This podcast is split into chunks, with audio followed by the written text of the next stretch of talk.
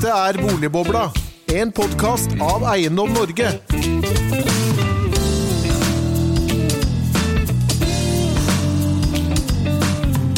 Hjertelig velkommen til en ny episode av Boligbobla, denne gang om valg 2021. Hva slags boligpolitikk eh, får vi etter stortingsvalget, spør vi. For 13. september er det valg, og slik det står nå, så ser det ut til at vi får et eh, nytt flertall og regjeringsskifte i Norge i løpet av høsten. Men hvilken form farge det blir, er høyst usikkert. Og kommer både Rødt, MDG, Venstre og KrF over sperregrensen, får vi en parlamentarisk situasjon vi aldri tidligere har hatt i Norge. Hva betyr det for boligmarkedet, spør vi, og hva slags boligpolitikk får vi etter valget? For å ta oss igjennom dette strålende temaet har vi fått noen utmerkede gjester. Hjertelig velkommen til deg, Hanna Gitmark, nestleder, nå nestleder i Tankesmien Agenda. Tusen takk. Og så har vi fått med oss eh, prosjektmedarbeider i eh, Tankesmien eh, Civita, Simon Seland. Hjertelig velkommen til deg. Det er jo Tankesmien som setter agendaen, er det ikke det? Ja. Og så ved siden som alltid sitter jo deg, Henning Lauritzen, Eiendom Norge-direktør. Hjertelig velkommen til deg. Tusen takk, tusen Du er takk. tilbake fra Arendalsuka etter vi hadde satt boligpolitikk på agendaen. Ja, ja, ja, vi satte jo virkelig boligpolitikk på agendaen gjennom eh, vår boligdag på Arendalsuka, med syv fulle arrangementer en dag igjennom, fra marked til politikk til eh, ja, eh, arkitektur, så der var vi egentlig innom nesten alt. Og, og Jon ikke satte vi også boligpolitikk med sykepleierindeksen på, på agendaen. Eh, hvor- Hvordan så ser sykepleierindeksen ut nå? Altså, bra. sy- Sykepleierindeksen er en veldig sørgelig utvikling på, på mange vis. Det er en stadig mindre andel av boligene man kan kjøpe med en vanlig sykepleierlønn. Og i Oslo og Oslo-regionen så, så er tallene historisk lave. Altså Da er det snakk om en, en prosent til 3 omtrent av boligene som altså en, en person med 600 000 i inntekt har råd til å kjøpe, eller lånefinansiere, da. Så dette skal en ny, ny regjering da løse? Dette blir jo en av de oppgavene som faktisk blir ganske viktig for en ny regjering å få ta tak i, for dette er ikke er bærekraftig i lengden. Det er veldig mange som kommer inn på markedet selv om de ikke tjener mer enn sykepleieren, men eh, da er det jo ofte foreldrebank eller, eh, eller andre ting som, som kommer til unnsetning. Og det er klart, alle får ikke det, alle har ikke tilgang på det, og det er et problem. Hanna, du er jo si, eksperten på boligpolitikk her i landet med boken norske boligdrømmen'. Hva, hva, Ja, tusen takk. hva, hva, får vi nå etter valget her, da? Mye bedre boligpolitikk. Vi skal, da tror jeg alle problemene kommer til å bli løst. Nei da. Det er jo en, et, altså boligpolitikk som område, som jo dere kan og veit og tar opp eh, mange aspekter av i denne podkasten, blant annet, er jo vanskelig fordi det er så mange ting som spiller inn på boligsektoren. ikke sant? Hva slags rente vi Alt har i henger sammen med alt, ja. Alt henger sammen med alt, som en veldig klok eh, dame en gang sa. Men, eh, og det er jo mye som man ikke har direkte politisk kontroll over. Ikke sant? Nå, renta, for eksempel, som nå under koronakrisen måtte bli satt ned for å redde liksom, økonomien i Norge, har jo satt fyr Måtte den virkelig bli satt ned? Ja, altså, vi, det, var, det var Du tror ikke for Øystein Olsen angrer litt? Nei da, nei da, nei da. Jeg tror ikke alle var enige, men altså, for å det er jo problematisert dette med at vi i Norge på mange måter kanskje burde ha to forskjellige renter. ikke sant? Én for boligmarkedet og én for økonomien eh, for øvrig. Men nå i høst skal renta opp noen ganger. Det kommer til å, å påvirke markedet. Uvisst akkurat hvordan. Men så er det jo en del områder som politikerne faktisk kan eh, gjøre noe med, selv om forskere har det vi kaller det mest liberaliserte boligmarkedet i Europa. Eh, det er noen som liker å si at vi ikke har noen boligpolitikk. Det er jo ikke riktig. Vi har jo selvfølgelig jo en boligpolitikk. boligpolitikk kanter, Vi har masse boligpolitikk, men vi har ikke nok politikk som tar en, måte, en posisjon eller kontroll over markedet. Og det tror jeg vi kommer til å se um, en endring på hvis vi, hvis vi får et nytt Men jeg, jeg har jo lest, lest litt i partiprogrammene, Ja. altså, både i det siste og i dag. altså, alle vil gjøre noe med husleieloven, altså Ja. for leiemarkedet, Ja. omtrent. Mm. KrF, Arbeiderpartiet, Venstre, altså hele gjengen. Mm. Alle, veldig mange i hvert fall, skriver noe om plan- og bygningsloven. Eh, Rødt, SV, Ap, MDG. Mm Eh, og stadig flere snakker om eh, tredje boligsektor, til og med KrF. Ikke sant? Ja.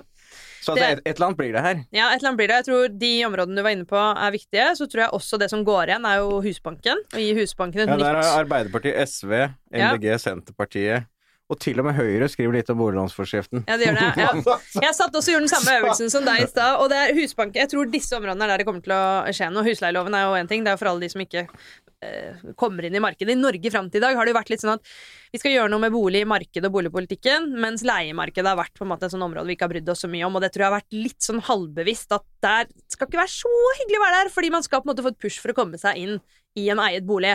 Der kommer det til å skje noe, og det var på tide. Og der har jo liksom kampanjer, så kan man jo mene hva man vil om de, men kampanjer som reduserer husleie og min drittleilighet, har i hvert fall vist litt mer, gitt oss et litt mer innblikk i hvordan det står til, i hvert fall i deler av utleiemarkedet. Så er det dette med Husbanken. Noen vil gi altså Det går igjen, da. Mer penger til Husbanken og et nytt mandat. Dette må kunne hjelpe unge ikke sant? med betjeningsevne, men uten foreldrebank, inn på boligmarkedet. Blei jo eksplisitt fjerna fra Husbankens mandat i 2015. Der er mange av partiene ønsker å, å gjeninnføre dette, og også bruke Husbanken mer aktivt distriktspolitisk, og også for dette som vi kaller den tredje boligsektor, da, som dere har diskutert her noen ganger, eh, og som vi sikkert skal bruke litt tid på i dag, for å bruke det på ulike måter inn i det. Så der tror jeg vi kommer til å eh, se en endring. Også kanskje også når det gjelder tomtepolitikk. Eh, så for eksempel i Arbeiderpartiets program, og det tror jeg også står i SVs program, at man ønsker å se på en rentekompensasjonsordning eller en mulighet sånn at kommunene kan kjøpe, for norske kommuner eier jo ikke masse tomt lenger, kjøpe tomter eh, hvor man da kan tilrettelegge for bygging, da gjerne med et sosialt formål, da. Men Simon, du, du, har jo sett på noen av disse tingene som, som foreslår. Mm. Blant annet tredje boligsektor, og kanskje også plan- og bygningsloven i og for seg. Er det så lurt, alt dette her? Det tror jeg kommer litt an på. Jeg tror det viktigste for å se hvordan effekten vil bli, er hva slags marked man gjør dette her i. For det er klart at uh, Resultatene av å gå inn og f.eks. regulere at man skal ha et visst antall rimeligere boliger, det tror jeg vil slå ganske ulikt ut om man er i et marked hvor det er lite press, altså mer sånn typisk distriktsmarkeder, eller om man er der hvor kanskje utfordringene er størst i dag, som er i de store byene, og især i Oslo. Eh, så jeg tror at eh, Altså, det er ulike tiltak her, selvfølgelig. Men eh, hvis man ser på først dette med Husbanken, at man skal gå inn der, at de skal ta og hjelpe flere, særlig unge, eller etableringsfasen, så vil jo de sannsynligvis ta og, kjempe på mange av de samme, eller være potensielle kjøpere av mange av de samme boligene. Og hvis veldig mange får økt kjøpekraft, så vil det speiles mye over i prisen igjen. Hvis man ser i mer eh, si, distriktsmarkeder, om man vil det, så kan det heller være at det slår ut i at det bygges mer. Så det kan være mer positivt resultat. Men i byene tror jeg ikke det vil eh, fungere sånn som man ønsker. Så, så, så blir det mer kreditt, og ikke flere boliger, så blir det bare høyere priser? Mest sannsynlig. Mm hvis jeg bare kan skyte inn der, dette er jo på en måte det vanskelige for venstresiden. ikke sant? Fordi jeg tror man skjønner man trenger boliglånsforskriften. Man har trengt den fordi at vi hadde et enormt høy gjeldsopptak, som dere har snakka om før. ikke sant? Vi ligger på toppen i Eller vi har et høyt gjeldsopptak, ligger på toppen i Europa. Vi trenger noe land, da. Ja da, det er vi. Men vi trenger Jeg tror i hvert fall eh, Mange er enige med Finanstilsynet at vi trenger noe som demper den gjeldsveksten litt, og det har boliglånsforskriften bidratt til.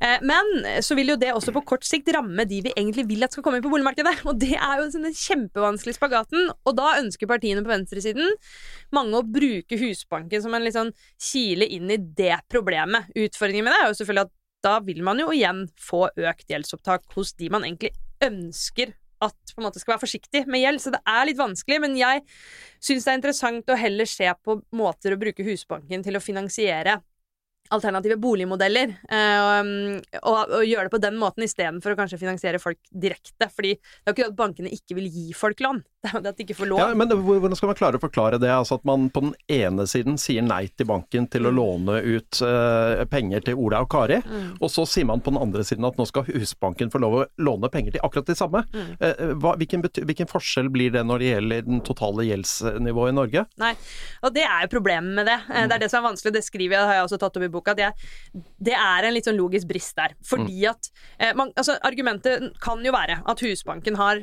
andre type um, rente og garanti. De har en mer langsiktig perspektiv og ikke har så stor risiko med å låne ut penger.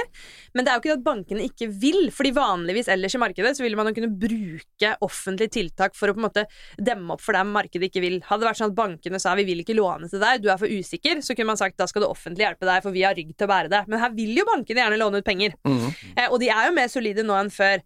Um, så det er, en litt sånn, det er en vanskelig sak. Det er derfor tror jeg heller, og det tror jeg mange av disse partiene også ser på, muligheten til heller å bruke Husbanken eksempel til å gå inn som partner altså i prosjekter, da, eksempel type modeller der, eh, der man kan kjøpe 60% av en bolig, så kan Husbanken eie resten. Mer sånn enn å støtte folk direkte, og det tror jeg er klokt. Ja, men, både Høyre og Fremskrittspartiet vil jo liberalisere altså boliglånsforskriften, eller se på og vurdere, står det i programmet. Mm. Altså, da blir det kredittfest. Ja. Enten med rød eller grønn. Nei, rød, grønn, blå side nå. Fra etter valget? Simon? Ja, kanskje. Vi får jo se. Altså, det, jo, det, skal jo litt til fra politisk hold å overkjøre råd fra både Finanstilsynet og Norges Bank. Og altså, Siv gjorde jo det til å begynne med da, i 2013. Mm, ja. klarte ikke så lenge. Frem til 2015. Det er nok kanskje et litt større politisk press i dag enn det har vært tidligere. Jeg tror det er flere, selv førstegangskjøpere og unge som vil etablere seg, som har skjønt at det er boliglånsforskriften som de tar og stanger i. Så det kan absolutt bli sterkere politisk press for å gjøre noe med det, men jeg tror nok at de faglige rådene vil veie ganske tungt tungt til syvende og sist. Men eh, du, du, pekte jo på et sånn eh, paradoks her i sted, at uh, hvis man øker kjøpekraften i befolkningen og, og boligtilbudet ikke øker, så, så, slår det ut på prisene. Hvis, hvis det fungerer sånn som det på en måte skal i økonomien, mm. så, så, blir det jo flere boliger også. En, en, av de store problemene i, i hvert fall sånn som vi har opplevd mange ganger i pressområdene, er jo at det er fryktelig vanskelig å få til denne byggingen som, som alle roper og skriker om. Mm. Uh, hva slags virkemidler skal man bruke for å, for å få løst den knuten? For det virker jo ikke som noen av sine politikken egentlig klarer å, å knekke den helt. Den har vært der i, jeg har vært der i 20 år, kanskje, i Oslo-området. Mm. Mm. Um, ja, hvis man ser på, liksom, Det er noen grunnleggende forskjell her nå fra på en måte, tiden etter krigen, hvor man bygde ut alt på jomfruelig mark, og det var mye lettere da. Men det er vanskelig i dag. Er, byene i Norge er tettere. Mm. Det er mer konfliktlinjer når man skal bygge ut. Når det er sagt, så har du helt klart masse å hente på enklere og raskere prosesser, som utbyggerne ønsker, og som politikerne også sier de ønsker. Her opplever jeg nok litt at politikerne også, i hvert fall i større kommuner, er jo ganske langt fra eh, plan- og bygningsetaten. De veit ikke helt om alle har god nok oversikt over eh, prosessen, og krav som blir lagt inn, selvfølgelig, som gjør at det tar tid. Um, og så har man også, det så jeg at uh, i hvert fall et par av partiprogrammene på venstresiden som går inn for å, et sånt tiltak som jo høres lite ut, men som jeg tror er veldig viktig, å koordinere offentlige innsigelser bedre. Det er jo en måte å begrense seg selv Men det har man jo allerede gjort. Uh, Der tror jeg man har masse å hente fortsatt. Enda mer å hente. Ja. Mm. Og det kan jo gjøre, ikke sant, istedenfor at alle offentlige instanser skal kunne komme altså, med ulike innsigelser. Staten skal komme med 22 tunger inn ja, i hver prosess. Ja, det er bare tull. Det er ikke noe vits. Så, så, det er jo en ting som kan gjøre at det går raskere. Og så men staten også... er jo ikke én, det er det ja. man snakker om staten. Det er jo mangehodet troll. Ja, det er mangehodet troll. Men man kan også på, så tenker jeg også, som jeg har pleid å si tidligere, at man også kan jo selvfølgelig utfordre utbyggerne også. Det er jo eksempler på at utbyggerne sånn, tar omkamper, at det ikke bygges ut der hvor det allerede er ferdigregulert tomt, og at de kanskje ikke tar nok sjanser. For eksempel i Oslo så har man jo ett sånn område med jomfruelig mark igjen, som er Stensrud-Gjersrud-området. Og der er det jo sånn, kamp om virkelighetsbeskrivelsen. da. Utbyggerne vil jo ikke Nå kommer de Extinct Rebellion, ikke sant? Ja, nå kommer de. Nå skal verne, der skal vi verne de sneglene og meitemarkene. Ja, ja. Nei, men alle må ta ansvar her, da. Og alle ønsker det jo. Så, og det ligger som For eksempel i Oslo har man dette byvekstutvalget for noen år siden hvor plan- og bygningssjefen satt ved Obos satt, altså, hvor man faktisk pekte på en del ting man kunne gjøre. Det, det, er ikke så mye som har blitt fulgt opp. Det Nei. Nei, men det ligger forslag der for de politikerne som vil, da. Og jeg opplever at uh, Nå skal jeg snakke litt liksom, for min Altså uh, for de partiene jeg jo håper vil utgjøre et nytt flertall, men det jeg opplever, er at man, det er en større vilje nå, kanskje også hos alle partiene, til å ta mer kontroll over dette. Ikke lenger bare lene seg på den setningen om at vi har velfungerende boligmarkeder, for det ser alle at vi ikke har. Men, men Simon, altså, ja, vi har jo har vært inne på programmet, og, og, og, denne plan- og bygningsloven, det, det, er jo, som jeg nevnte her, med, mange som vil endre. Men det mest radikale er jo MDG, som da skal ha I Oslo skal de ha Eller på nasjonalt skulle de ha en femtedel skal de kunne regulere disposisjonsformen, altså under bygging. Og i Oslo en fjerdedel, altså 25 av boligene de regulerer, skal de kunne bestemme hva slags disposisjonsform det blir. Altså, de vil jo da ha den tredje boligsektor, som de da skal presse gjennom i privat sektor, kan man kanskje si. altså, altså, dette her jo, er jo det du har skrevet om i ditt notat. Er det liksom realisme i dette her, her i det hele tatt, altså? Det er jo 250 boliger da, per 1000. Mm. Nei, jeg tror eh, altså vil det på en måte være veldig positivt for de som får mulighet til å dra nytte av dette, og så vil det slå uheldig ut for noen andre. Jeg tror noe av det første man vil se som vil slå uheldig ut, er at hvis man sier at eh, x antall prosent i et nyboligprosjekt skal være i f.eks. leie til eie eller en form for deleiemodell, så vil det jo bli færre boliger, færre nye boliger relativt en situasjon der hvor de ble tilført i det nye private markedet. Og det vil jo f.eks. kunne bety, hvis de allikevel skal fordeles etter betalingsevne, at noen som hadde hatt mulighet til å ta og eie hele boligen, blir tilgodesett med enten å gå inn i et deleieformat eller et leie til eie. Og da får de mindre nytte av de skattesubsidiene f.eks. som man gir til boligeiere i Norge. Så det tror jeg er en måte det kan slå veldig uheldig ut. Så det, det, er ikke, det, er ikke, så lett som det står i partiprogrammet? Nei, og det skiller seg jo også litt fra altså Man har jo en del private utbyggere som tilbyr lignende modeller, men der har du ofte muligheten i tillegg. Du kan velge å leie til eie eller en delt eierskap, men du kan også velge å kjøpe hele boligen Men det vil jo skille seg ut med sånn som eh, man f.eks. ønsker å gi kommunene disposisjon til å gjøre i plan- og bygningsloven. Og da må boligene selges med leie til eie eller deleie. Og det vil bli en annen dynamikk.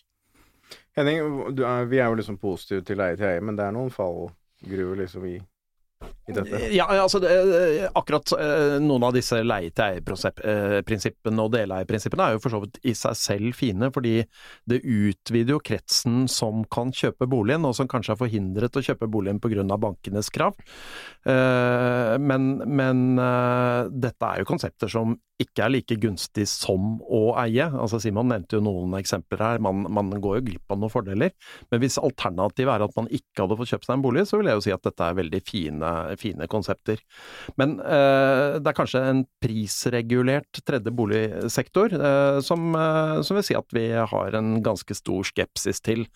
Eh, og eh, her, her, er det veldig mange ting som kan nevnes, men eh, veldig mange nevner erfaringene fra Danmark og Sverige, og jeg vil jo nettopp bruke Danmark og Sverige som eksempler på at ting ikke har gått så veldig bra.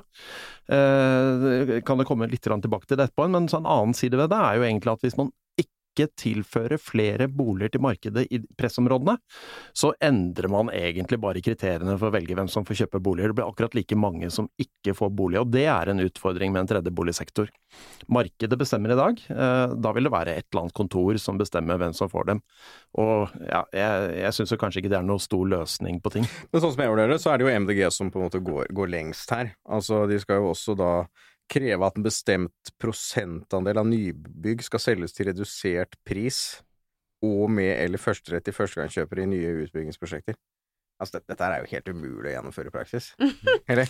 Nei, du, nå, altså, politikk altså, er jo, Erik, å ville noe. Ja, om, eh, altså, man er nødt til å prøve ting. Jeg er ikke så skeptisk som, uh, som jeg opplever at dere er. Akkurat det med å ha en prisregulert eiersektor eh, er jeg også enig i at har noen utfordringer. ikke sant? Det var jo en grunn til at det systemet rakna eh, på, på 70-80-tallet. Det jeg ikke er så skeptisk til, er å sørge for Det overordnede her, da, hva er det? Det er at ja, vi trenger å bygge flere boliger. Der er jeg helt enig med dere, og det har jeg også sagt mange ganger. Jeg syns venstresiden har vært for dårlig på å anerkjenne at vi må bygge mer. Men å bygge mer i seg selv, selv om veldig mye forskning viser at det påvirker prisene, så gjør ikke det å bygge mer i seg selv at fordelingen av det som bygges, blir bedre. Det gjør det ikke. Og da må vi ha noen mekanismer, tenker jeg. Og dette handler jo også om liksom for å bli litt filosofisk, at det handler jo om en tanke om grunnrente. At man kan kreve av utbyggerne at den jorda de eier, som stiger i verdi fordi vi regulerer tomtene, eller politikerne regulerer dem. Det er planskapte verdier. At man skal kunne hente noe av det tilbake til fellesskapet. Det gjør man gjennom en sånn regulering i plan- og bygningsloven. Eller er det liksom uh, ja, utbyggeren som eier den? Skapt av den, den kreativiteten som ligger bak, bak hva da? Å bygge en bolig på et land? Jo, evnen til å kjøpe den tomten, sette kreativiteten uh, i, i, i, spill. Det tror jeg ikke du tror på da... selv engang, Erik. Jo, den, nei, altså kreativiteten i å eie en tomt som ligger midt i en infrastruktur som det offentlige har bygd ut, sånn at den tomten masse ressurser og kreativitet. Men, men, men, men dette, er sånn, dette, er vel uansett en sånn diskusjon som, ja. Eh, som, på en måte er på vei på alle sider i politikken. Ja. Og det går på når du skal ha, gjennomføre en reguleringsplan, altså hva slags bidrag ja. skal du ha fra utbyggeren? Skal det, være, skal, det være, som i dag, at mm. du stiller noen rekkefølgekrav f.eks., mm. ikke krever en krone? Mm. Uh, altså barnehagen og gangveien må ligge der mm. før du får lov til å bygge, eller skal det være sånn at du sier at eh, du må betale krone x per mm. bebyggbare areal kvadratmeter, og så da, får du på en måte, da kan du sette i gang med en gang. Så da kommunen grunninvestering. Så det er jo en, sånn, det, det er jo en interessant diskusjon, fordi hvis man treffer riktig, så kan man jo få til raskere prosesser også. Ja, og mange steder så brukes jo å stille sånne krav eh, til, til, utbyggere som oppfyller dem, brukes f.eks. i England, gis det jo gulrøtter i form av raskere saksbehandling for de som leverer det. Det jeg også syns er interessant med denne måten å tenke på, at det kan også skape mindre forskjell mellom utbyggere som bygger ut i nye områder, og de som driver infill-prosjekter, f.eks. Der hvor bidragene til infrastruktur Du trenger ikke å tilrettelegge for en ny svær lekeplass hvis du fyller inn mellom to blokker, så da kan man liksom jevne ut de bidragene litt, så tror jeg ikke liksom akkurat altså den prisregulerte eiersektoren Jeg tror ikke det er noen som tar til orde for det.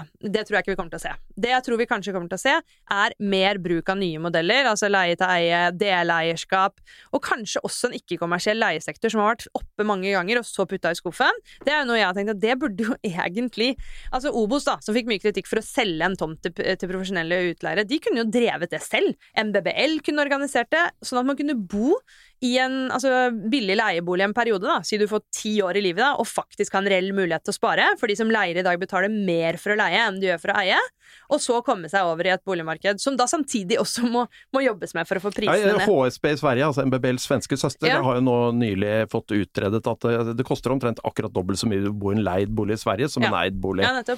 Og noe av det samme kan vi jo kanskje se i Norge på ulike vis. Ja.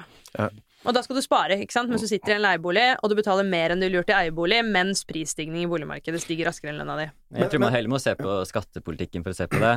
Men jeg tenker spørsmålet om man skal begynne å drive med leiebolig som skal være billigere, eller om man skal ha en tredje boligsektor, det er jo det er jo et spørsmål, altså det vil jo være økonomisk gunstig for de som får tilbud om det, men så syns jeg i veldig liten grad at man diskuterer hvem er det som, hvem er denne forhåndsdefinerte gruppen som skal få dette Hva blir kriteriene for å få en sånn bolig? Nettopp. Og det syns jeg er vanskelig å svare på. Jeg hører ikke så mange svar fra det, fra de partiene som tar og, og, og snakker om dette. Men det vil jo nødvendigvis omfordele boliger, og noen som ellers ville fått mulighet til å kjøpe bolig, de vil ikke lenger få det. Nei, for eksempel en rik investor da, i Oslo, som kjøper seg flere boliger. Så det er det jeg ikke er så bekymra for. Hvis man sørger for et økt boligtilbud samtidig, så kan det hende at ok, omfordeling av bolig, det er ikke sikkert det går. Det, det vil, i noen grad, gitt at vi ikke får tilførsel av bolig, gå fra en som akkurat kommer seg inn, til en som da kan få oss et tilbud.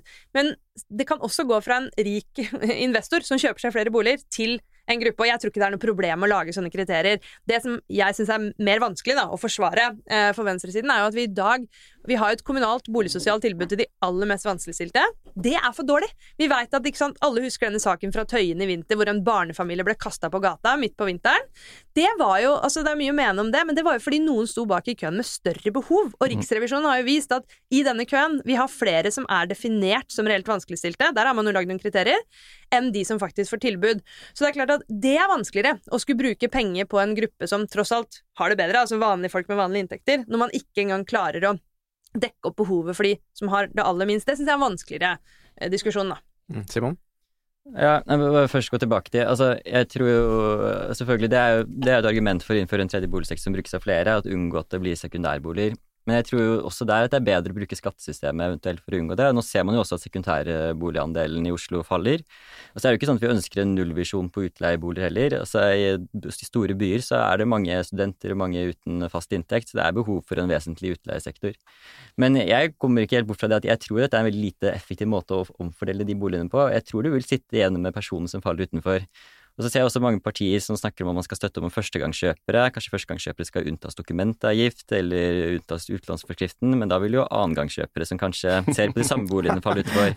Enslige forsørgere osv. Ja. Ja. Eh, Samlivsbrudd, for eksempel. Så Mm. det, er, det vil være mange som faller utenfor. Og jeg tror, jeg er ikke så sikker eh, som agenda på at man kommer til å greie å, å formulere, eh, formulere krav og, og begrensninger som gjør at dette ikke får uheldige konsekvenser. Så det er masse utfordringer her. Det er bare et problem at markedet som er i dag, fungerer ikke. Så noe nytt er vi nødt til å prøve. Og nå har du nevnt skattesystemet noen ganger, og der er jeg også selvfølgelig helt tilbake enig. men, men én ting må vi ta, Henning, fordi at Raymond Johansen langer jo nå ut altså mot utbyggerne. Ikke sant? Har han rett, eller tar han feil? Nei, han langer ut mot utbyggerne og sier at de altså, han, han, De holder igjen, Ja, han, han, de sier, sier at de hold, prisveksten osv. ja, han, han sier at de holder igjen, og det er klart eh, man, man kan jo mene mye om hva det er å holde igjen, men en, en ting som er en del av dynamikken når man skal bygge, er jo at man må ha finansiering. Og, og normalt så sier bankene som tommelfingerregel at du må ha 60% finansiering før du får byggelån. Så det vil si at du da må ha solgt 60 leiligheter, du skal bygge 100. Ja, si du, si du skal bygge på, på Løren f.eks., uh, 200 boliger, så, så må du altså ha solgt 60% av dem før du får utløst byggelånet og kan sette spadene i jorden. og, og selv store aktører som Obos låner jo penger. Ja, og det, og det utbyggerne da gjør, er jo at de splitter opp prosjektene i x antall boliger, og så oppfyller de kravet hva skal man si, i det byggetrinnet før de skal rulle videre til neste. Hvis de setter i gang neste trinn for tidlig, så konkurrerer de jo med boligene i sitt eget prosjekt.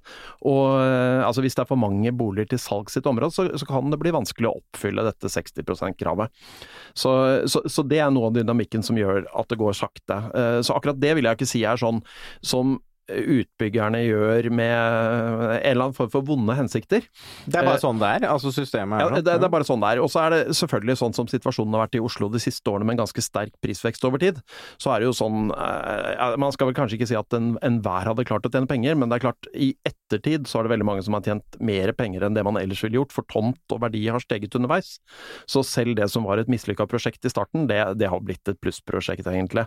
Og det er klart, det, det gjør kanskje at man, man ikke får den den samme iveren Altså, som man ville fått for å forte seg. på klokskap, men altså, de som da kjøpte en tomt med stor risiko i 2015, de kunne ikke forutsette at boligprisen skulle stige fe- 26 Nei, nei det, det kunne ikke. Og vi, i, på en måte, i perioder hvor markedet er mer normalt, så vil jo det Altså, en utbygger har jo en prosentfortjeneste på ett prosjekt. Og hvis du klarer å fullføre det på prosjektet på halvannet år, eller tre år, så, så vil du i praksis ha samme fortjeneste. Altså, du, har- du har en prosentfortjeneste, så da er det jo normalt om å gjøre å rulle prosjektene så fort som mulig. Eh, Men, men sitter du da i et stigende marked, så blir ikke det så viktig, for da kan du også Men det bli Raymond. Johansen egentlig vil, vil, er jo det at du ok, du bygg 1000 boliger der nå. Ja. Hvorfor går ikke det? Er det noen som, Obos kan vel kanskje gjøre det? Ja, Obos kan kanskje gjøre det, for de er såpass kapitalsterke at de kan bygge på spekk, altså bygge før man har man det, har Så det er på en måte boliger. noe i Men- Obos-opprøret. Ja, men, men, men, men jeg tror det er grenser for hvor store løft Obos kan ta også. Det er klart Når de kjøper tomt på Ulven til tre milliarder, uh, så, så binder du på en måte opp ganske mye kapital. og det er klart Skal du bygge opp på det og putte noen milliarder til, så, så er, er det grenser for hva de også klarer. Men det, det er ikke så enkelt, eh, Hanna. Det, er- det liksom, kunne vi liksom bare bestilt 1000 boliger fra Kina prefabrikert i morgen, så hadde vi gjort det. Altså, Nei, det er jo selvfølgelig er- ikke noe av dette er enkelt, og ingen kan si at det er enkelt, men jeg tror denne debatten er jo veldig sånn slå hverandre i hodet med. Altså, jeg føler også at utbyggerne legger alt ansvaret på politikerne, og det er veldig sjelden jeg ser utbyggere gå, altså, komme på i nettavis med ti punkter som vi skal utfordre oss selv med, selv om nå har Obos sagt de skal bygge 1000 boliger i Oslo i året, da. Ja, Obos har kommet på banen nå etter å ha blitt litt pressa, da, kan man vel trygt si. eh, og og liksom, selv om dette er en bransje hvor liksom produktiviteten går ned, og jeg syns ikke, ikke det er så mye selvkritisk blikk heller på bransjen når det er sagt, men, men det er jo synd at det, at det ikke er bedre liksom, dialog, for nå føler jeg at hele dere eh, Altså, det er litt dårlig stemning da, i hele miljøet, rett og slett. og at man ikke plukker opp ikke? Jeg trakk fram byvekstutvalget sist. At man ikke har brukt det mer, lagt det til grunn, hatt liksom en arbeidsgruppe eller prosess som skulle følge opp og prøvd ut forskjellige tiltak og sånn. Det syns jeg er, er, er, eh, er veldig synd. Men så, så er det vel litt sånn, tror jeg også, at eh, altså, kapitalen taler. Eh, Ja. Utbyggerne har eiere som skal ha avkastning, og er det for tungt i Oslo, så bygger de på Lørenskog. Og det er det de har gjort de siste årene. Altså, Oslo bygges på Lørenskog og en del andre omkringliggende kommuner fordi det er for tungt i Oslo.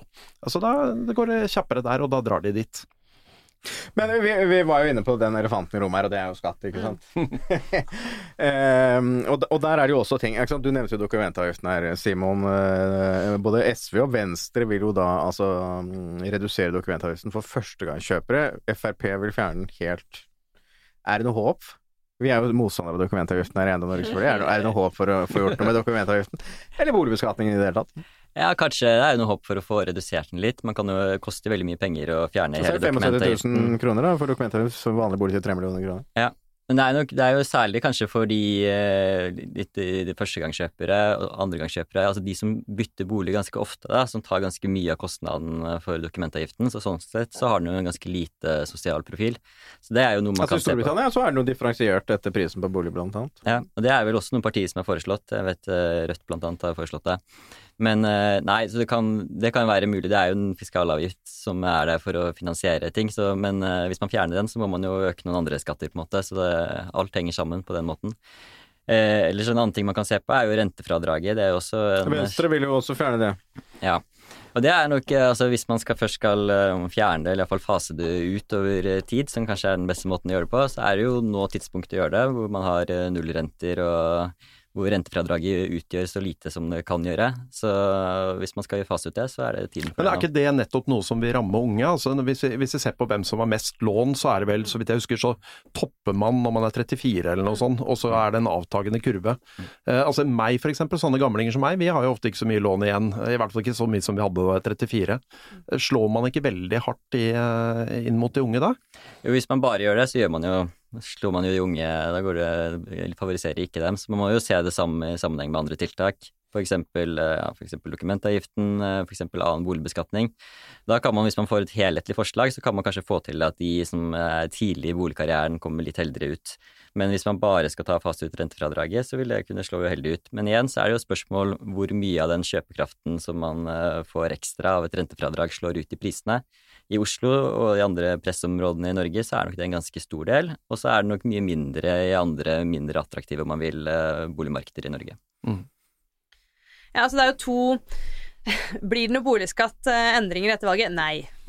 og det er jo, jeg har jo vært veldig opptatt av boligbeskatningen, og eh, før vi begynte her så diskuterte vi hvem som egentlig sa det eh, sitatet som jeg liker å bruke nå, da, som er liksom omvendt Robin Hood-politikk, som jeg mener at liksom, eh, boligbeskatningen i dag er. For det er jo sånn at jo dyrere hus du har, jo mer får du rentefradrag. Mens resten av skattesystemet vårt er basert på et system om at jo mer du har og tjener, jo mer skal du betale i skatt. Så dette er omvendt, ikke sant? Mm. Det er, det er likevel, regressivt, som vi Det er regressivt, som vi liker å si med et veldig enkelt eh, ord. Um, og sånn som du sa, Henning, så er jo det så er spørsmålet da, skal man gjøre noe med skatten eller gjøre noe med rentefradraget. Det er to gode grunner til å ikke ta rentefradraget. Det ene er nettopp det du sier, og det er jo også at hvis man skal legge om dette systemet, som på en måte har vært et viktig prinsipp i norsk boligpolitikk lenge, da, at vi subsidierer eierskap, så vil vil jo da de som på en måte har hatt bolig lengst inn, ja. ja. de som har hatt bolig lengst, de må ikke være med på noe av den omleggingen. De som har betalt ned lånet. Så de som allerede er feite fra før, altså ja. de 60-68-erne, yes. de blir enda feitere? Ja, det gjør de, og det er ikke noe bra. Og andre, den andre grunnen er jo rett og slett en litt mer sånn praktisk grunn,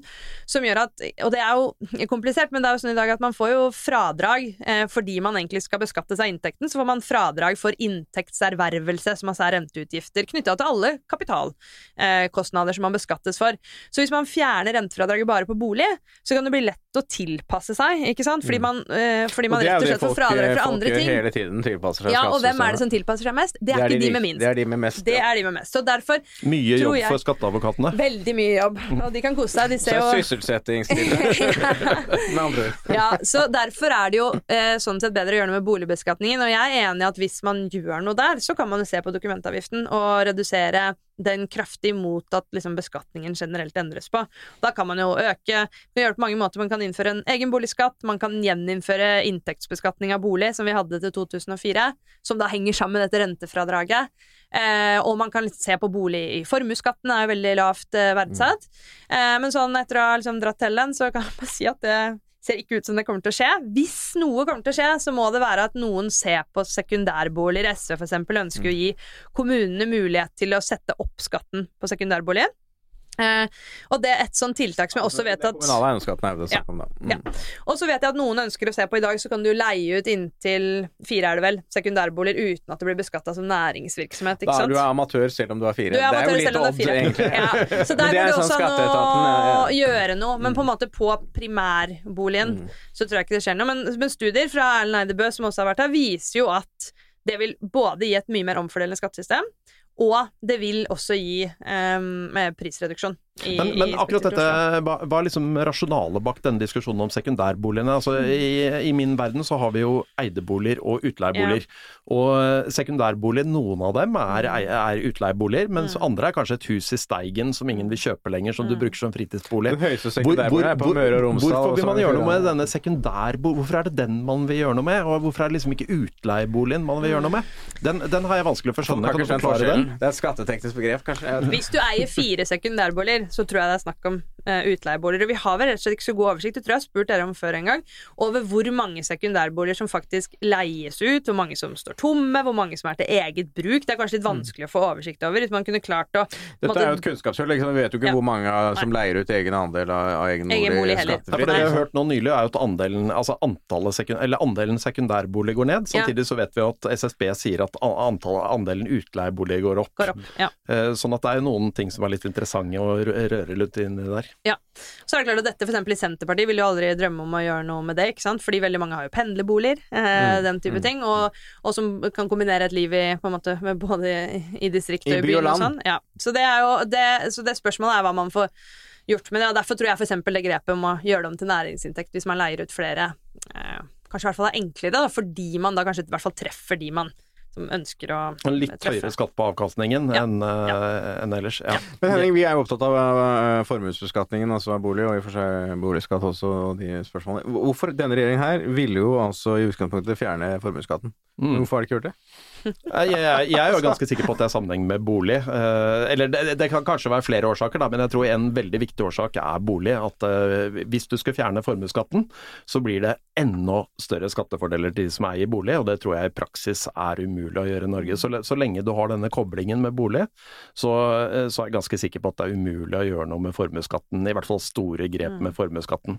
Men altså, vi, vi, har jo kalt det da Det er jo lavthengende frukter her, altså, som bare kunne forbedret boligbeskatningen med veldig enkle grep. Ja, nei, altså vårt grep, vårt grep er jo, eh, hvis man skal ta det veldig kort, så er det jo veldig enkelt. Fjerne dokumentavgiften, fjerne, eh, fjerne kommunal eiendomsskatt og innføre full verdsetting av primærboligen. Det vil gi en ganske stor omfordeling. Men også med presise verdier. Ja, ja, Ja, ja, ja, ikke minst med pre presise verdier. For her snakker vi om eh, verdsettelser som, som jo ofte bommer grovt på de Men altså, det er jo det som boligverdiene. er, altså, i realiteten er formuesskattens problem også, slik den er i dag. Mm. Ja. Det er jo verdsettelsesproblemet. Det er jo det at det er ikke like for like.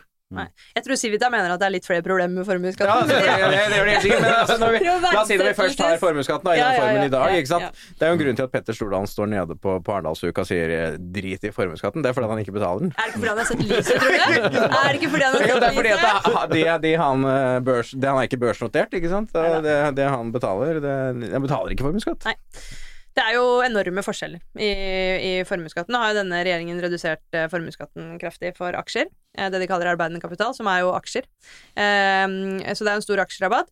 Det som på en måte, det som jeg tror vi er enige om Og sekundærbolig har de jo skrudd opp Og også. har til skrudd opp, det skal de ha. Altså det, og det er jo, virker jo ikke som alle Ja. har fått med seg. Nei, men det, vil jo, det er jo en nok. grunn til det. De har jo ikke snakka så høyt om det. Eh, Men det er faktisk det er veldig, det er godt grep. Man har skrudd opp ikke sant? primærbolig er verdsatt til 25% sekundær til 90 Eh, Det som jeg er enig med dere om, er at hvis man skal gjøre noe med formuesskatten?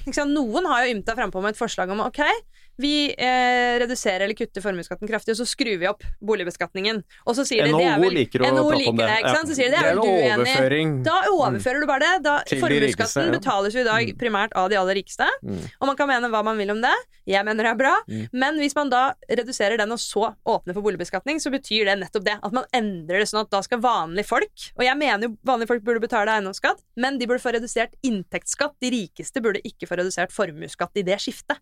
Så der prøver liksom ja, NHO seg stadig vekk, og det har jeg opplevd at Det er en dårlig sak for NHO, tror vi, da, men ja. Vi får ta det med sekundærboliger, da, som sagt, man har jo skrudd opp veldig mye der. Mm. Men Jeg er litt sånn usikker på, er det egentlig nå et rom for å ta øke det enda mer? ja, det er det jeg også lurer på. Altså, skal du liksom ha 110? Ja. Men det er jo også et spørsmål, og og som jeg har vært inne på før, at det er et behov for utleieboliger. Og man ser jo nå at sekundærboliger faller. Det tyder kanskje på at det blir et mer profesjonelt eh, utleiemarked. Og det er jo noe man mener ofte er positivt, da. For kanskje flere, færre tvistesaker, og det er mange positive fordeler ved at det er flere utleieselskaper og ikke sånne hobbyinvestorer, som noen kaller det. Så jeg er jo ikke Men jeg tror ikke det å liksom skulle skru det opp enda mer Jeg tror heller man må vente litt og se hva er effekten nå. Nå har sekundærboligandelen vært fallende, i hvert fall i Oslo, en del kvartaler på rad. Så jeg tror heller ville ventet og se om den Men utleieandelen går jo opp. Ja. Mm. Men, men altså til Civita, altså dere For ti år siden så skrev Villmann Vilje en sånn ska, forslag til skattereform, og som egentlig er det NHO-pakka på formuesskatten, egentlig. La oss si man da skulle på en måte fjerne formuesskatten, da. Må man, da måtte man jo gjort noe med bolig, da, som er vårt poeng her i Eiendom-Norge. Ja. Altså, blir det boligbeskatning, da? Ja, det må man ha en form for. Antakeligvis stat, kanskje best en statlig altså, boligbeskatning. og det er jo det IMF og OECD også sier, ikke sant? Ja, absolutt. Og det er jo det man må også. Men eh, igjen så kommer jeg på en måte hvordan eh, Altså en hvordan liten kamp med norske kommuner først, da. En liten kamp med norske kommuner eh, først. Men ja, men det er jo det man må gjøre for å ta og dekke inn det, det skattetapet, på en måte. Så absolutt. Men igjen så er det jo krevende etter hvordan man verdsetter bolig, og man må ha gode løsninger for det. Men jeg mener jo at det ville vært et mer rettferdig beskatning enn den modellen man har i dag. Men uh, bare tilbake til disse sekundærboligene. Vil det ikke være sånn at hvis man skrur opp skatten på sekundærbolig, så, så uh, oppnår man for så vidt én ting, og det er egentlig å øke de profesjonelle utleierens andel av utleiemarkedet. Eh, er det ikke egentlig det man oppdag, eh, opp, opp, oppnår? For da øker du skatten til den ene gruppen utleiere, men du gjør ikke noe til den andre gruppen utleiere, sånn at du får en vridning. Men, men sånn sett vil det vel være et veldig egnet virkemiddel, og mange vil jo ha flere profesjonelle utleiere. Ja, er det en ting som kjennetegner Norge, så er det at vi har et uprofesjonelt eh, leiemarked. ikke sant? Så Man kan oppnå to ting, tenker jeg. Man kan oppnå at Hvis beskatningen av sekundærbolig blir så høy at det ikke lenger anses som noen sånn god investering, du skal, og, hell, og du vil heller putte pengene dine i en bedrift da, Og det er jo ikke noe god investering når boligprisene ikke stiger lenger, så er jo ikke sekundærbolig noen god butikk. Nei, eh, spørs jo hvordan utleiemarkedet og sånn er. Det er jo også eh, Ja, så med i Gilden på bildet. utleieboliger i Oslo er jo på nesten 2% Ja. Altså det er Likevel er det ikke sant? Men når beskatningen skrus til, så blir det en mindre god investering. Ja. Og selvfølgelig også Og når når, eh, ja. Og da, det kan jo gjøre at da den boligen omsettes i markedet isteden. Det Mm. som er liksom motsatsen til de som lærer ut sin egen kjeller, det som kan skje der, hvis det blir for lite altså lukrativt, rett og slett, da, eh, gitt hele den diskusjonen om husleieloven, så kan det hende at de bare sier vi slutter å leie ut. Så Mm, forsvinner det fra markedet både som eier og leiebolig. Det er mer sensitivt. Og det er jo det vi trenger mer kunnskap om. Altså Ja. Hvor mange er det som faktisk leier ut andre Ja. egen bolig? Men til det med profesjonell eh, Det har jo vi, eh, jeg og Henning, vært i debatt om noen ganger. Fordi eh, da jeg skrev den boka om boligpolitikk, så var jeg veldig eh, Og jeg er fortsatt det. eh, Positivt eh, Jeg på en måte hadde en positiv tilnærming til profesjonelle utleiere nettopp av den grunn. ikke sant? De er jo lettere å kontrollere og drive tilsyn med. De har større Vi ser de som driver i dag, ofte tids... Ikke ofte, men noen har tidsubestemte kontrakter. Det, er, det begynner å komme. Ja, det begynner å kanskje. Ja. Så man har et mye mer sånn langsiktig perspektiv på det å leie ut. I kjelleren til folk. ikke sant? De kan diskriminere over en lav sko, kaste deg ut når de ikke vil ha deg mer og sånn. De går, det er eksempler på at de går inn til folk eh, liksom, når de vil og sånn.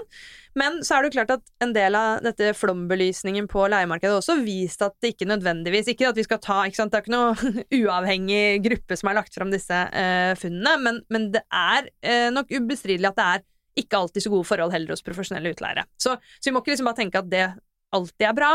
Men jeg har ikke noe, og det er jo mer sånn ideologisk kanskje, at jeg har ikke noe eh, prinsipiell tilnærming til at det ikke skal være lov å tjene penger på å leie ut. Men det har jo noen partier, og liksom helt tilbake til Trygve Bratteli har jo det vært viktig, ikke sant? Hva var det han sa? Det han sa? Jeg anser det ikke som noe legitim næringsvei å, å tjene penger på andre folks eh, bolig. Og det henger jo igjen hos veldig mange, ikke sant? Selv om han sa det i 1951. Men der, har ikke jeg, og der tenker jeg det er viktigere å ha en pragmatisk tilnærming og si at så Jeg er helt enig med Civita at vi, at vi må ha en utleiesektor. Om den må og den bør være profesjonell, om den skal være kommersiell eller kan ha liksom, en innslag av mer sånn sant, ideell boligbyggelag som drifter og sånn, det tenker jeg vi kan, kan ha en blanding av. Um, men, men, men, det er bra hvis vi i hvert fall får liksom, en profesjonalisering her. Og da har jeg også sett på at det går jo an å gjøre noe med skattevilkårene der faktisk gjør det bedre å drive profesjonell utleie. I dag Mm. så er det jo andre avskrivningsregler på, på byggene hvis du driver næringsvirksomhet. Det er, næringsvirksomhet. bedre, bedre vilkår når du driver næring Ja. enn boligutleie. Absolutt. Ja. Så hvis man da ønsker mer profesjonell utleie, så bør man også se på det. Mm. Men blir det en ny husleielov, Henning? Altså, det kom jo, en, kom jo en utredning her fra Kommunaldepartementet. Den, den var jo, slo vel egentlig i hjel mye av de forslagene som har kommet. Ja, det var én ting som sto der som var, overrasket meg ganske kraftig, og det var det sto at tre av fire leieforhold i Norge er tidsubestemte. Og det betyr jo det, det er jo det Og- alle skal ha. Og eh, Så er det markedet ordentlig. Ja, ja, ja og, det, og her, her er det nok kombinasjonen at det må jo da være veldig mange av disse privatpersonene som leier ut, som da leier ut på tidsubestemte vilkår, og det var vel egentlig det det sto også. Mm. Tidsbestemte kontrakter ble primært brukt av profesjonelle utleiere. Mm. Uh, og da er det jo som Hanna sier, at noen, altså Steinamo, Eiendom, Fredensborg osv., har jo begynt med tidsubestemte leiekontrakter på, på det de har. Så, så akkurat denne diskusjonen om uh, tidsubestemt skal være hovedregelen, det kan jo være det nesten oppfyller seg selv i, i løpet av sånn relativt kort tid. Og det andre var vel også det at uh, leietakeren har jo også en tendens til å si opp selv. altså, Ja, jo, det, altså, Sånn, at, i, i, i, de, det sto at i de fleste, jeg husker ikke om det var noen av 60% av tilfellene, så avvikles leieforholdet før avtalt utløpstid etter leietakers eget ønske.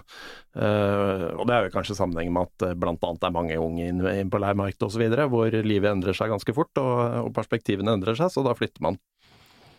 Det er fantastisk. Nei, um, det, det andre her er jo, det er jo kostnadene. Altså dette, dette koster jo masse penger Hva koster masse penger? å bygge boliger. Å bygge boliger, ja. Og du skal ha kreditt, du skal ha Altså, Mm. hvordan, når du skal da sitte og forhandle statsbudsjettet her, da, med, Mm. eh, til høsten Altså, hvor mange milliarder skal man kaste i boligsektoren? 30-40 milliarder i Husbanken. Altså, Mm. det skal penger. Det skal gjøres opp.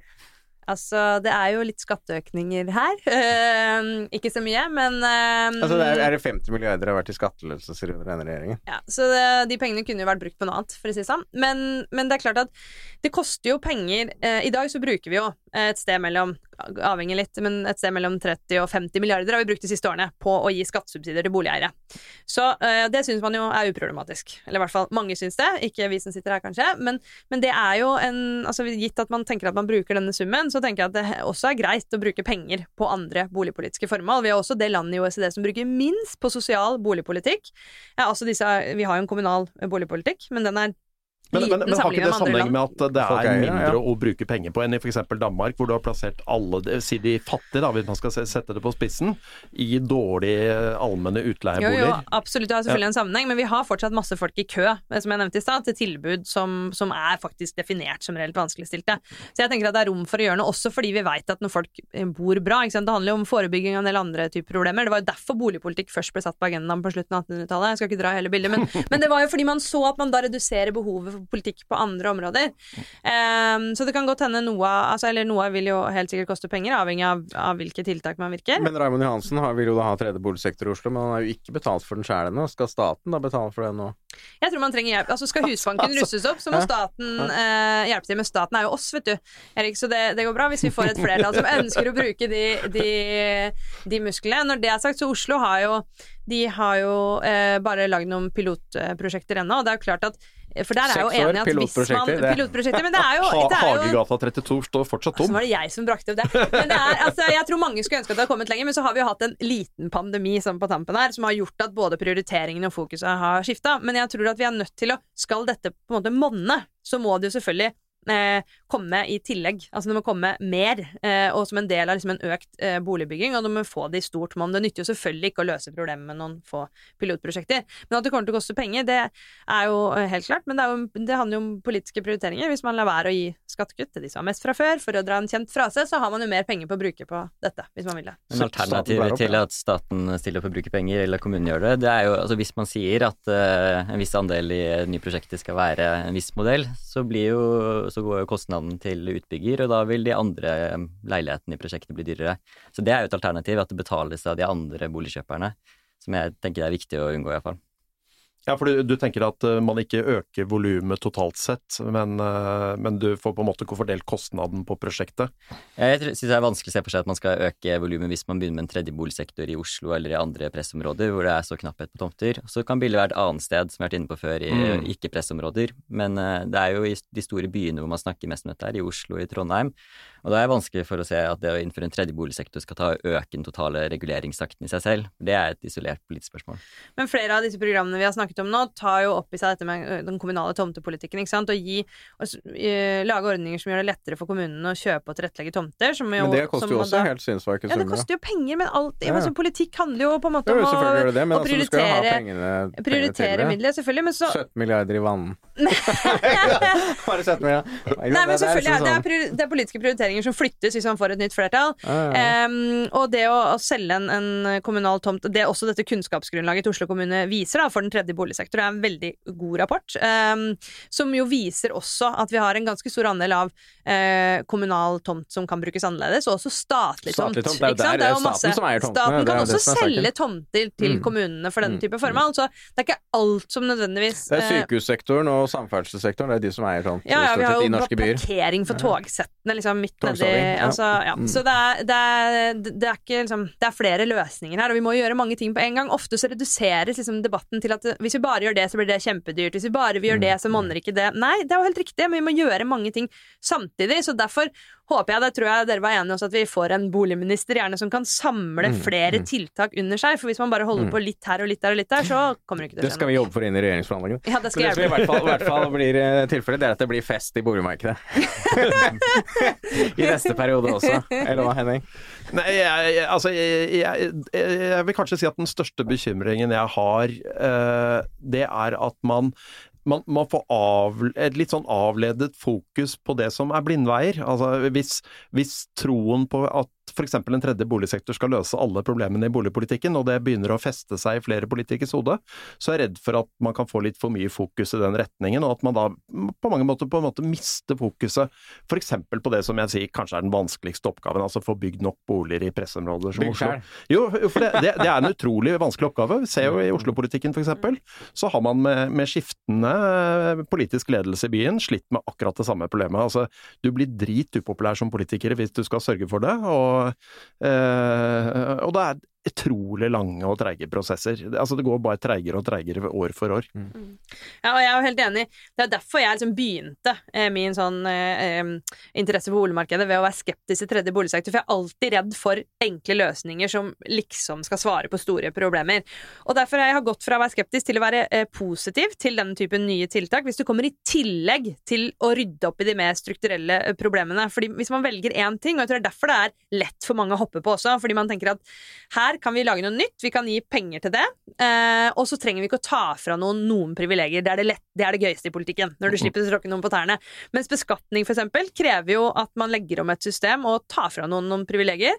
Og utbygging også, hvis man skal tilrettelegge med Sånn, nye tomter, litt sånn som Erling Rød Larsen har pekt på. Vi kan gjerne ha sett på Kolonihagen. ikke sant? I Oslo er det debatt om Det- det blir- det markagrensa. det blir- Det blir god stemning. Det blir dritgod stemning. Da er det mye lettere, det er, jo, selvfølgelig. det er jo faktisk kommunale tomter, de, de kolonihagene. De Ja, er jo Riv sånn. Rodeløkka, Ja. bygg høyblokker, liksom. Ja, ikke sant? Det blir- du vinner ikke noe kos. valg på Det det. blir god stemning. Så derfor er jeg helt enig med deg at vi må ha de debattene samtidig. Vi kan ikke hoppe på dette og tenke det er løsningen vår. Og det opplever jeg heller ikke, for å snakke deres uh, sak igjen, at, at partiene på venstresiden nå i sine programmer har ikke valgt seg det ene tiltaket alene. Det er en brei eh, gruppe tiltak som handler om å ta litt politisk kontroll over markedet igjen. Og for å sitere Gerhardsen, på en måte, eller ikke sitere han, men som er populært på min side av politikken, og spørre hva han ville gjort, så tror jeg det Det handler jo ikke Det er ingen som nå romantiserer på en måte den politikken skulle gjøre det samme, men det handler om å la seg inspirere. boligen. Han ville jo det, og det ville jo Ja, ja, men Torbjørn Berntsen var jo på hans linje på 70-tallet. Man fikk liksom, så gikk man den andre veien, og jeg har ikke sett noen som ønsker seg helt tilbake til det. Men det handler jo på en måte om å la seg inspirere til at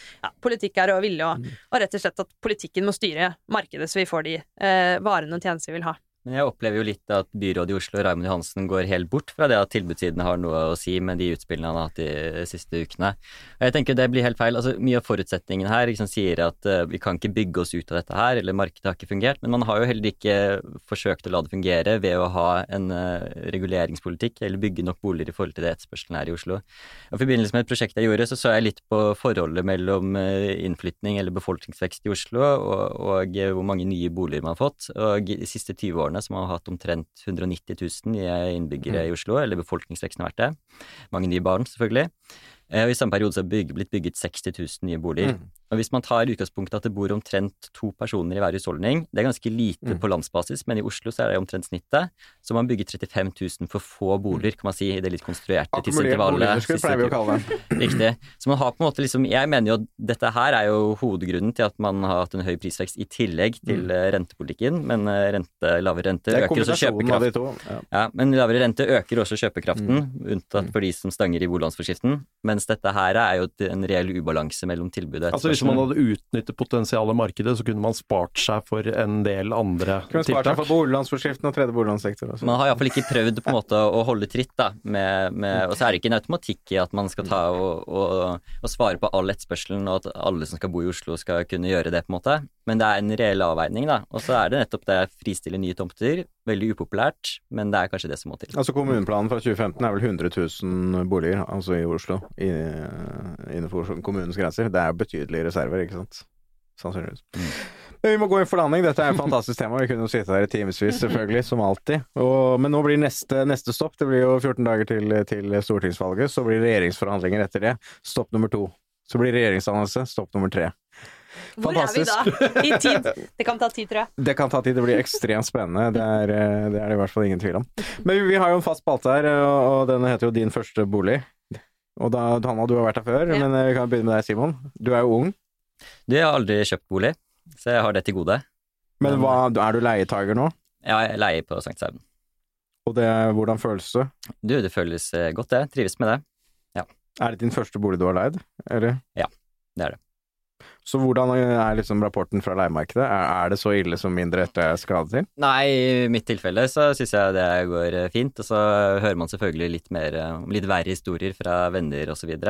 Jeg er jo i den alderen at de fleste vennene mine tar og leier bolig, men uh, i mitt tilfelle så går det helt fint. Men eh, kan man da spørre hva du betaler for et rom i et kollektiv på, på Sankthanshaugen i, i disse dager? Ja, da må jeg ta og regne litt, men eh, rundt uh, 7000. 7000, det, det, er ikke, det er ikke gratis. Hanna, du, du, du tjente jo din første million i bolig. Ja, ja, ja. Men hva var din andre bolig? Min andre bolig var i Bogstadveien, faktisk. En åttende Jøss. etasje i Bogstadveien. Da kom jeg meg fort ut fra. Føltes ikke helt eh, hjemme. Og fin utsikt, da. Uh, det er Eh, ikke den der aksjegården som det nå er sånn søksmål med på? det er den ved siden av, ja. faktisk. Ja. Mm. I- Ingen aksjer i den. Ingen aksjer i den. Nei. Nei.